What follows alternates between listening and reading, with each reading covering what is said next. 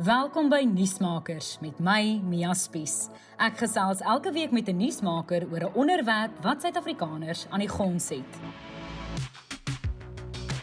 Junie was beslis nie president Cyril Ramaphosa se beste maand op kantoor nie. Dit het begin toe die oud spioenbaas Arthur Fraser strafregtelike klagte teen hom aanhange gemaak het oor die sogenaamde Farmgate en boonop bevat die finale staatskapingsverslag wat hierdie week aan die president oorhandig is, ook nie baie goeie nuus vir hom nie.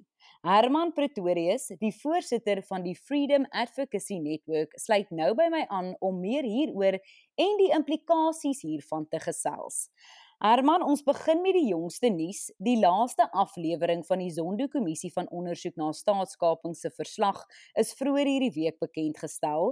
Jy het dit nou al onder oog gehad. Wat is jou eerste indrukke veral wat president Cyril Ramaphosa betref?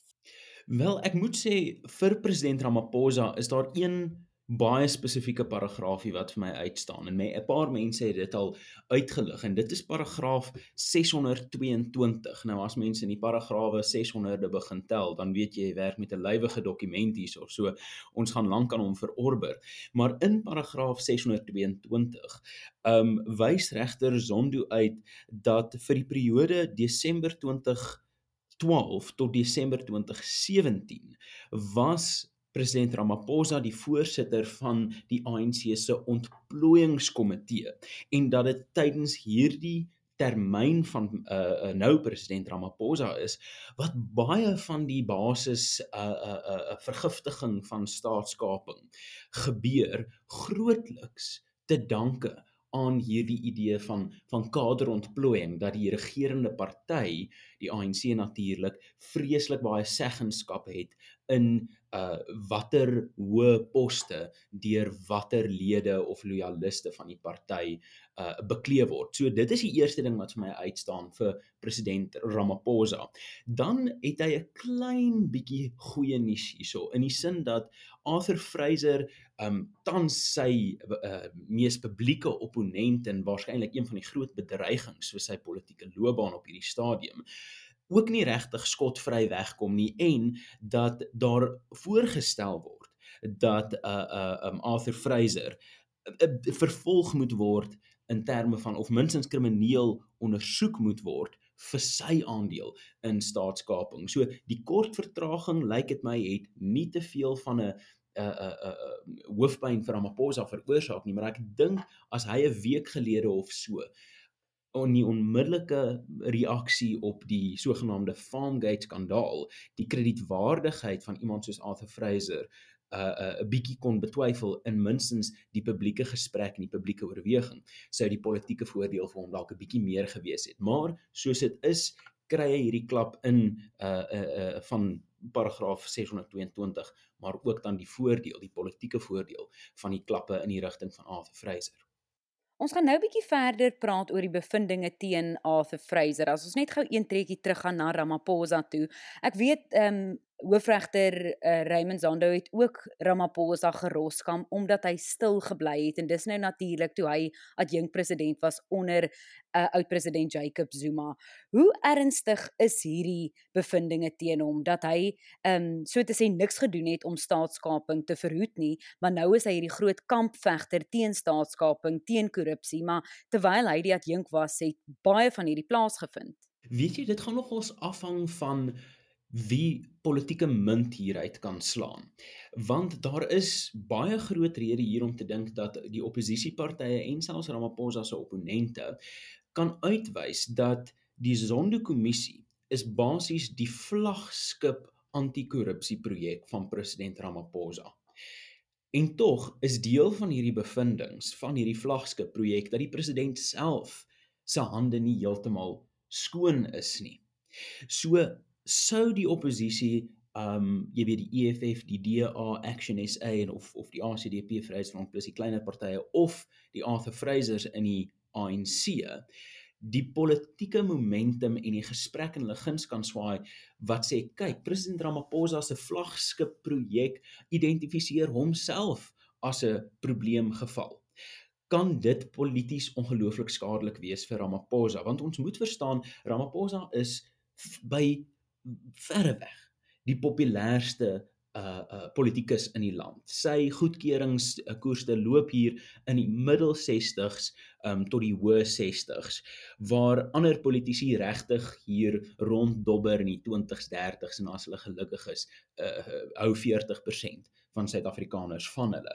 Maar president Ramaphosa is een baie meer populêr as ander politici en twee baie meer populêr as sy eie politieke party wat tans in die vlak middel 40s um in die persentiel lê vir ondersteuning. So deel van hierdie populariteit en uh, van van Ramaphosa is sy reputasie as iemand wat van buite die politiek afgekom het uh in 2012 um wat 'n besigheidsman is en natuurlik wat meer integriteit het as sy presidentsiële voorganger. Met ander woorde as hierdie kern van sy politieke kapitaal, die sterkste bate wat hy het, sy reputasie, um beswadder word deur uh, uh hierdie hierdie uh, sondoklappe wat regtig dalk land op hom as gevolg van sy politieke opponente se gebruik van die situasie dan kan dit hom werklik waar beskadig op pad na Desember toe. Maar die ANC is in 'n interessante posisie. Baie soos die konservatiewe party tans in Brittanje daar's nie 'n duidelike opvolger vir die huidige leier nie en dit mag dalk sorg dat die huidige leier net net kan vasklou aan hulle amp Herman, natuurlik die ander albatros om Ramaphosa se nek is natuurlik daai CR17 veldtog. Dit het ook weer ter sprake gekom in die verslag. Dis natuurlik daai fondsinsamelingsveldtog om in 2017 die ANC president te word. Ja, en dit is dit het al in 'n vorige um 'n uh, uh, publikasie of volume, ek is nie presies seker wat die term is nie, van die Zondo-kommissie uh se bevindinge al 'n bietjie ongemak begin veroorsaak uh vir die president. En mense kry die uh die idee dat regter Zondo nie regtig tevrede was met die verduidelikings wat hy van die uh CR uh CR 17 kamp gehoor het nie. Maar dit spreek tot 'n groter kwessie van die ANC se faksionalisme wat leliker en leliker word waar die daar is geen meer heilige grond binne die ANC se faksionele uh uh uh verskille of spanning nie. Daar is geen uh uh element wat nie meer uitgebuit gaan word vir politieke gewin nie. En dit is op 'n manier die ANC se groot word in moderne politiek in. Want ons moet besef dat omtrent tot en met uh, 2012 minstens tot voor 2017 was die ANC uh, baie meer meer gebaseer uh, of die leierskapsverkiesings baie meer gebaseer op 'n gentleman's ooreenkoms as ek so 'n lelike jy weet um, uh, vinnige vertaling van gentleman's agreement uh, mag gooi waar jy nie regtig 'n veld tog gevoer het nie. Jy het maar met die party se stemming gewerk en so. Dit verander in 2017 handomkeer en die feit dat Ramaphosa daai verkiesing moes voer met 'n amper presidensiële 'n 'n 'n komponent, 'n nasionaal presidensiële komponent, het beteken dat dit 'n baie duur veldtog is om te voer en daar moes iewers geld vandaan gekom het vir daai veldtog vir hom om daai veldtog net net te wen. So weer eens, daar moet mense die vraag vra waar het hierdie geld vandaan gekom? Baie daarvan is waarskynlik wettig, maar daar's dalk net genoeg krap punte daarso wat weer eens Ramaphosa se uh uh populariteit en sy status in die aanskou van die kiezer kan belemmer. Jy het vroeër verwys natuurlik na die voormalige hoof van die staatsveiligheid agentskap Arthur Fraser wat nou baie in die hoofopskrifte is. Dit is natuurlik nadat hy vroeër die maand klagte van onder meer geldwasery en korrupsie teen Ramaphosa ingedien het oor hoe dit nou al bekend staan as Farmgate. Hierdie uh, bevindinge sluit onder meer in dat hy en oud-president Jacob Zuma 'n ooreenkoms gehad het om mekaar uit die tronk uit te hou. Baie ander ernstige beweringe ook teen Fraser. Wat weet ons daarvan en hoe beïnvloed dit nou die situasie waarin hy was? Ons weet, soos wat jy vroeër gesê het, hy is omtrent op die oomblik Ramaphosa se ehm um, se grootste oppositie of of die persoon wat die meeste uitgesproke is teen Ramaphosa. Ja, so baie van hierdie kennis uh, wat wat ons nou ingewin het deur uh, deur regter Zondo moet mens regtig nogals vir die ondersoekende joernaliste van Suid-Afrika uh 'n baie krediet gee. Baie van hierdie dinge het ons geweet as gevolg van jy weet jou Jacques Bous van die wêreld, jou Paulie van Wyks van die wêreld wat gesorg het dat hierdie inligting uitgelap word. In Suid-Afrika het dalk 'n onbesonge versameling van uh, jy weet regtige uh, kampvegters vir die waarheid um wat in 'n in 'n era van media sinisme dalk 'n bietjie verlore gaan. Maar baie van hierdie dinge het ons geweet of minstens vermoed. Ons moet 'n bietjie uh, president Zuma, voormalig president Zuma se geskiedenis hier in ag neem. Hy was vir alle praktiese doeleindes die hoof van militêre intelligensie vir Mkhonto weSizwe vir die ANC se militêre vleuel. En sy begrip van wat jy kan doen met intelligensie en om eenvoudig te weet waar die geraamtes begrawe is sal jou polities in staat stel om nogals baie te doen. En in Arthur Fraser sien mens 'n soortgelyke gees.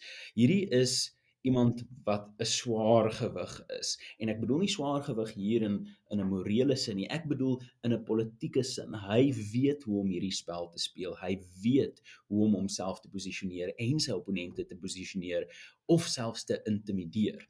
En die aantuigings teen hom uh, vir sy tyd by uh, die die SSA die uh, staatsveiligheidsagentskap is regtig net 'n voortvloei van hierdie Zuma taktik van om die donker wêreld van spionasie en inligting bekomming te gebruik vir politieke gewin. So die vraag nou met 'n uh, uh, Fraser se posisie is Zondo gaan amper so ver as om duidelik te sê hy moet krimineel ondersoek word. Daar word bevind of om daar word basies gesê dat daar is prima facie rede, oogopslag rede om hom 'n bietjie meer onder die kriminele mikroskoop te plaas. Maar dit maak dit natuurlik moeilik vir president Ramaphosa, want die nasionale vervolgingsgesag alhoewel dit op papier onafhanklik is, neem baie van die ritme van hulle aktiwiteite by die nasionale uitvoerende gesag president Ramaphosa. So daar is nou 'n baie groot risiko dat as daar opgetree word teen Fraser, dit gesien kan word as 'n bevestiging van Ramaphosa se skuld omdat Fraser nou 'n martelaar word vir sy uh, agenda in sy saak. So Fraser het is Is dit amper soos toe ehm um, die met die skorsing van uh, die openbare beskermer advokaat Posisiwe Mqwebane. Einste en niemand kan Mqwebane beskuldig van 'n hoë vermoë om haar werk te doen nie, maar tog is Ramaphosa volgens my polities lomp in hoe hy soms optree en ek dink as hy nou teen Fraser optree, gaan dit hom nie noodwendig goed te pas kom vir Desember nie. So Fraser is dalk hierso besig om 'n om sy handjie kaarte beter te speel as Ramaphosa se. Ons praat nou oor hoe hulle hulle hulle handjie kaarte speel. Um dis nou natuurlik die einste Fraser wat verantwoordelik is vir Farmgate. Hy beweer die president het versuim om al die relevante besonderhede rondom daai diefstal van iets soos 4 miljoen rand uit sy Pala Pala plaashuis in 20 in die openbaar bekend te maak. Daar's natuurlik klagte van onder meer geldwasery en korrupsie teen Ramaphosa ingedien. Hoe sit daai situasie op die oomblik en hoe sou jy sê het Ramaphosa die laaste 'n uh, paar weke hierdie situasie hanteer? Ek dink persoonlik het Ramaphosa dit nogal sleg hanteer. En hierdie is hierdie is 'n tendens wat mense sien met Ramaphosa se leierskap oor 'n lang tydperk. As mens mooi daaroor gaan dink, het Ramaphosa nog nooit werklik politieke opponente uitoorlê nie. Meeste van die tyd was hy aan die verloorkant of het hy die sy oorwinning behaal te danke aan ander akteurs buite homself of maar net net. Mense gaan terug en dink na die Mandela opvolg uh, geskil.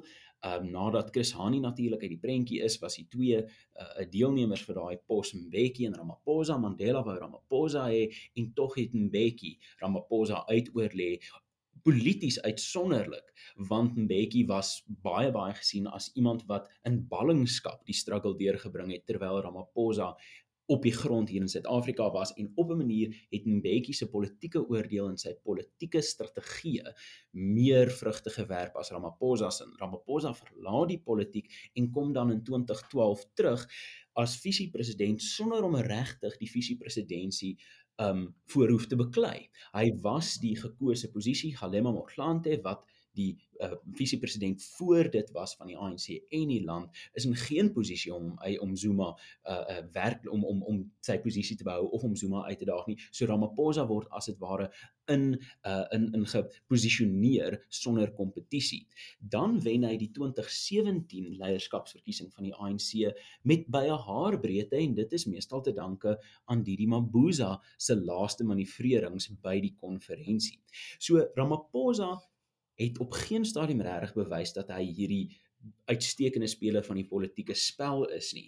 En ons sien dit in sy lompreaksie op die keper soos ehm um, wanneer hy ontken dat daar plaasmoord in Suid-Afrika is, wanneer daar duidelik is en dan hoor mens dat Ramaphosa al sedert 2020 geweet dat Arthur Fraser hierdie inligting in sy bes besit het, maar tog het Ramaphosa nooit uh, aktiewe proaktiewe stappe geneem om die angel uit hierdie storie te haal of die historiese narratief te beheer nie. So die feit dat Fraser Ramaphosa verstaan en baie inligting het oor waar dinge begrawe is en waarskynlik genoeg het om 'n drup drup erodering van Ramaphosa se kredietwaardigheid te sien, maak hierdie 'n baie baie sensitiewe en 'n baie gevaarlike posisie vir Ramaphosa nie eers om te kyk hoe hy die afgelope paar weke dit nie kon regkry om die narratief ten gunste van of dat Ramaphosa nie die narratief ten gunste van sy eie politieke saligheid kon swaai nie.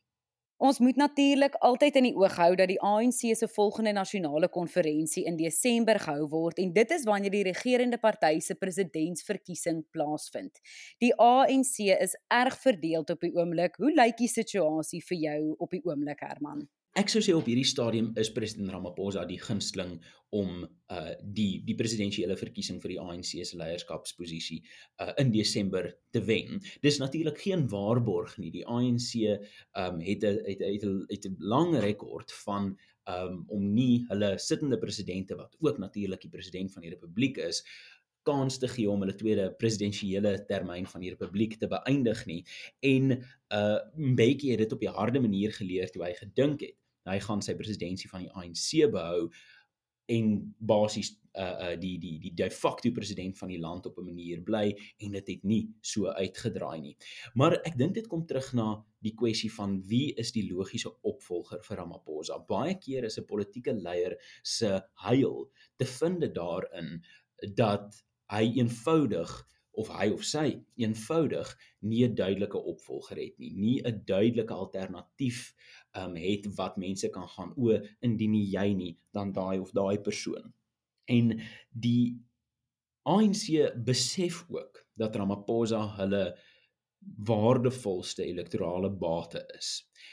So as hulle van Ramaphosa in Desember ontslaa raak wat ek op hierdie stadium sê sou sê onwaarskynlik is, dan is daar 'n basiese versekering dat hulle die 2024 verkiesing behoorlik onder 50% gaan daal. Gaan dit genoeg wees om Ramaphosa te red? Dalk, dalk nie. Hy het die vorige uh leierskapsverkiesing naalskraap gewen. Maar die drup drup toksiese uh uh stories van Freyser se kant af en tot dusver Ramaphosa se onvermoë om daai stories te stuit of om regtig beheer te neem van die narratief dit dit dit speel nie goed vir Ramaphosa vir Desember nie. Ek vermoed daar's ons drie moontlikhede wat hierso gebeur van hoekom hierdie Farmgate nou basies oopgebars het. 1 Dit is Ramaphosa se opponente wat hom uit die kussings wil lig.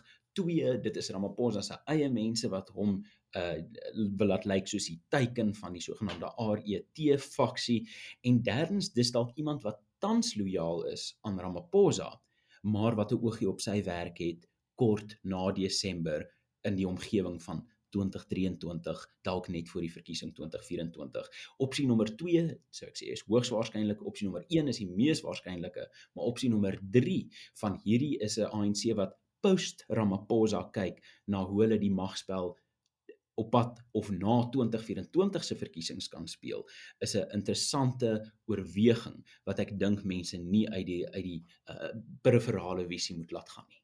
Jy praat nou van 'n alternatief sou daar 'n situasie wees wat Ramaphosa uit die kussings gelig word. Wie kan dit wees? Weet jy daar is um volgens my het jy het, het jy die die die sterkste kandidaat sou dit nie Ramaphosa wees nie en die ANC wil seker maak dat hulle 'n vorm van gesaghebendheid of kredietwaardigheid het, is waarskynlik Paul Mashatile. Um die die 'n uh, uh, uh, sterk uh, jy weet deelnemer vir daai rol.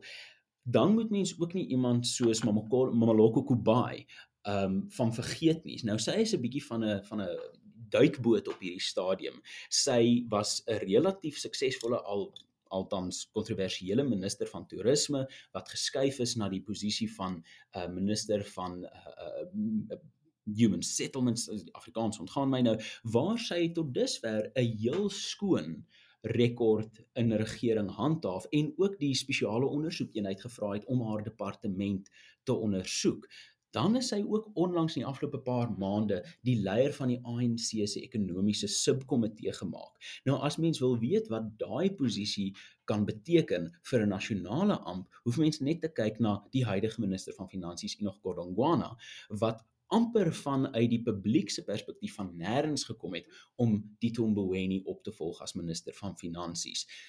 Dr. Willem Kiese, moeilike posisie. Ek dink nie hy gaan heeltemal loskom van die kettinge van die digital vibe skandaal en die probleme daarmee saam nie. Maar deel van wat Ramaphosa se posisie tans sterker maak, ehm um, as wat dit sou wees, is dat alhoewel daar moontlike opvolgers is, is daar nie iemand wat die duidelike konsensus kandidaat is nie. Herman, dan is daar ook mense wat die vraag opper. Dink jy Ramaphosa wil nog 'n termyn hê? Hy het nou gesien die drama wat gepaard gegaan het daarmee met sy eerste termyn. Wat's jou gevoel daaroor? Ek sou sê Ramaphosa is duidelik bietjie uh, uit sy gemaksone. Kom ons stel dit so. Ek vermoed hy het gedink die presidentskap gaan 'n makliker posisie wees. Uh en as hy president geword het na Mandela, sou dit dalk die geval gewees het dat hy kon um, deel wees van die ANC se witbroodperiode in regering Trevor Manuel se ekonomiese beleid sou gesorg het dat hy baie meer 'n uh, uh, kredietwaardigheid en uh, politieke kapitaal het om te spandeer. En mens wonder of hy nie met 'n soort van rooskleurige stel bril uh, lense teruggekyk het en gedink het hy kan dalk maar net optel daar waar hy laat gaan het in die laat 90's toe 'n bietjie om uh om ore aangesit het vir, om Mandela op te volg nie. Dit gesê, Ramaphosa het nie uit die politiek gegaan uh omdat hy gedink het my magies oorreg, jy weet ek uh, die politiek is nie meer vir my nie. Ek dink dit was 'n baie taktiese en 'n baie strategiese skuif om die geleentheid af te wag wanneer hy kan terugkeer na die na die politiek om die presidentskap te beklee. Ramaphosa is 'n uiters ambisieuse man en die feit dat hy die, eh, die presidentskap het is gewoonlik 'n aanleiding dat hy die presidentskap wil hê. So wil hy president wees? Ja, wil hy hê dit moet makliker wees? Natuurlik. Beteken dit dat hy bereid is om dalk 'n tou op te gooi? Ek twyfel baie baie sterk. Daar is 'n element van as jy in die politiek is en jy is 'n groot uh jy weet een van die groot kreature in die land se politiek, dan het jy jou oë op die presidentskap en om dit te hou en daar's bitter min mense dink ek wat werklik die insig het van Ramaphosa se persoonlike persepsie wat nie vir ons kan sê dat hy 20 uh 17 wou wen en nou 2022 ook wil wen om president van die land te wees nie. Herman, daar is geen twyfel dat die laaste paar weke tot 'n mate die openbare vertroue in president Cyril Ramaphosa 'n bietjie laat wankel het nie. Dink jy hy kan weer sy beeld herstel? Ons weet ons verwys na Ramaphosa as die buffel. Dit voel vir my of die buffel op die oomblik 'n bietjie gekwes is. Kan hy hierdie situasie omdraai? Ek dink dit is moontlik. Maar president Ramaphosa gaan dan moet besef dat hy 'n paar veranderinge moet bring en ek dink die span rondom hom sal ook moet verander. Hulle is nie vinnig genoeg om te reageer op uh, media narratiewe nie. Hulle is nie opportunisties genoeg om uh Ramaphosa se politieke kapitaal uit te brei daar waar die geleenthede dalk bestaan nie. En dis amper asof hulle lomp en platvoetig is en steeds dink Ramaphosa het die uh land se welwillendheid soos wat hy gehad het toe hy eers president geword het, toe hy basies enige iets kon doen en die simpatie van die hele land en klomp van die oppositieleiers ook gehad het nie. So Ramaphosa kan as sy span 'n bietjie uh, opgeskit word as uh, hy self 'n bietjie meer polities bewus raak, is dit moontlik om sy posisie te herstel. Jy word nie president van die ANC met geen politieke 'n uh, 'n uh, uh, bates en talente nie, maar dis soos die dis daar's 'n wonderlike aanhaling um as as dinge dieselfde moet bly, moet dinge begin verander. En ek dink dit is die situasie waarin president Ramaphosa nou is. Ek is skepties oor of daai verandering van taktiek regtig uh gaan kan gebeur. Hierdie lyk vir my soos 'n presidentsie in amper 'n toestand van paniek. Dit voel vir my hulle het nie regtig 'n idee van waar kom hulle huil vandaan en waar kan hulle die jy weet die politieke momentum gryp en daarmee hardloop nie. En Ramaphosa is in 'n moeilike posisie as gevolg van eenvoudig die ekonomiese situasie van die land en die globale ekonomie wat Suid-Afrika natuurlik rondswaai uh, soos 'n dobber op 'n rowwe see.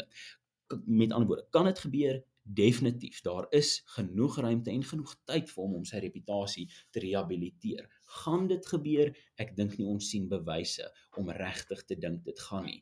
Dit beteken nie Ramaphosa gaan in Desember verloor nie, maar dit beteken dat hierdie faksionele uh, wigte dieper gedryf gaan word en dat Ramaphosa se posisie kwesbaar gaan bly totdat daar 'n duidelike opvolger is. En wat mense hoor vanuit Ramaphosa se kamp wat baie interessant is, is vir die eerste keer word daar erken dat daar is 'n baie sterk moontlikheid dat hy voor die einde van sy tweede termyn gaan moet loop. As die ANC 45% of laer kry in die 2024 verkiesings of as 'n gerespekteerde ondersoekeenheid soos die Valke of die uh, spesiale ondersoekeenheid of die nasionale vervolgingsgesag stappe teen Ramaphosa neem, sien sy span nie dat hy dit kan oorleef vir te lank na Desember hierdie jaar nie. Enigiets wat jy wil bysit Herman? Daar is min geleenthede in die politiek um waar jy aan ek dink dit was Napoleon se advies kan voldoen, moet nooit jou opponent onderbreek terwyl hy 'n flater begaan nie. En ek dink die oppositiepartye van Suid-Afrika moet nou besef dat die die geleentheid vir 'n fundamentele heroriëntering van Suid-Afrika se politieke landskap was nog nooit so sterk nie. Die ANC se faksionele verdelings is op 'n op 'n brandpunt. Die land se ekonomiese behoeftes maak dat kiesers met nuwe oë kan kyk na alternatiewe beleidsaanbod. As die oppositie vermoed dat die ANC 'n verkiesing sal verloor en dus sal die nuwe oppositie of dat 'n nuwe regering deur die oppositie gevorm kan word, is hulle besig om 'n bietjie mis te tas. Dit is nie meer die middel 2010e of die middel 2000s waar die hartseer of die pyn van die ANC noodwendig die geluk van die oppositie beteken nie. Daar is groter strominge hierso en ek vermoed die sterkste ding wat ek wil beklemtoon vir die oppositiepartye is dat hulle moet sien oor 680 dae ontrent is daar 'n verkiesing en hulle kan of probeer om mekaar af te takel om die grootste oppositieparty te wees of hulle kan 'n bietjie slimmer begin werk, konstruktief begin werk en werklik die ANC ontsetel in 2024 en 'n nuwe tipe politiek in Suid-Afrika skep. Nuusmakers met Mia Spies is 'n produksie in samewerking met die Potgooi Produksiehuis Volume. Ons vervaardigers is Roland Perolt en Kairen Blau. Moenie volgende week se episode misloop nie wanneer ek weer by 'n kenner aanklop om lig te werp oor 'n kwessie waaroor ons meer moet weet.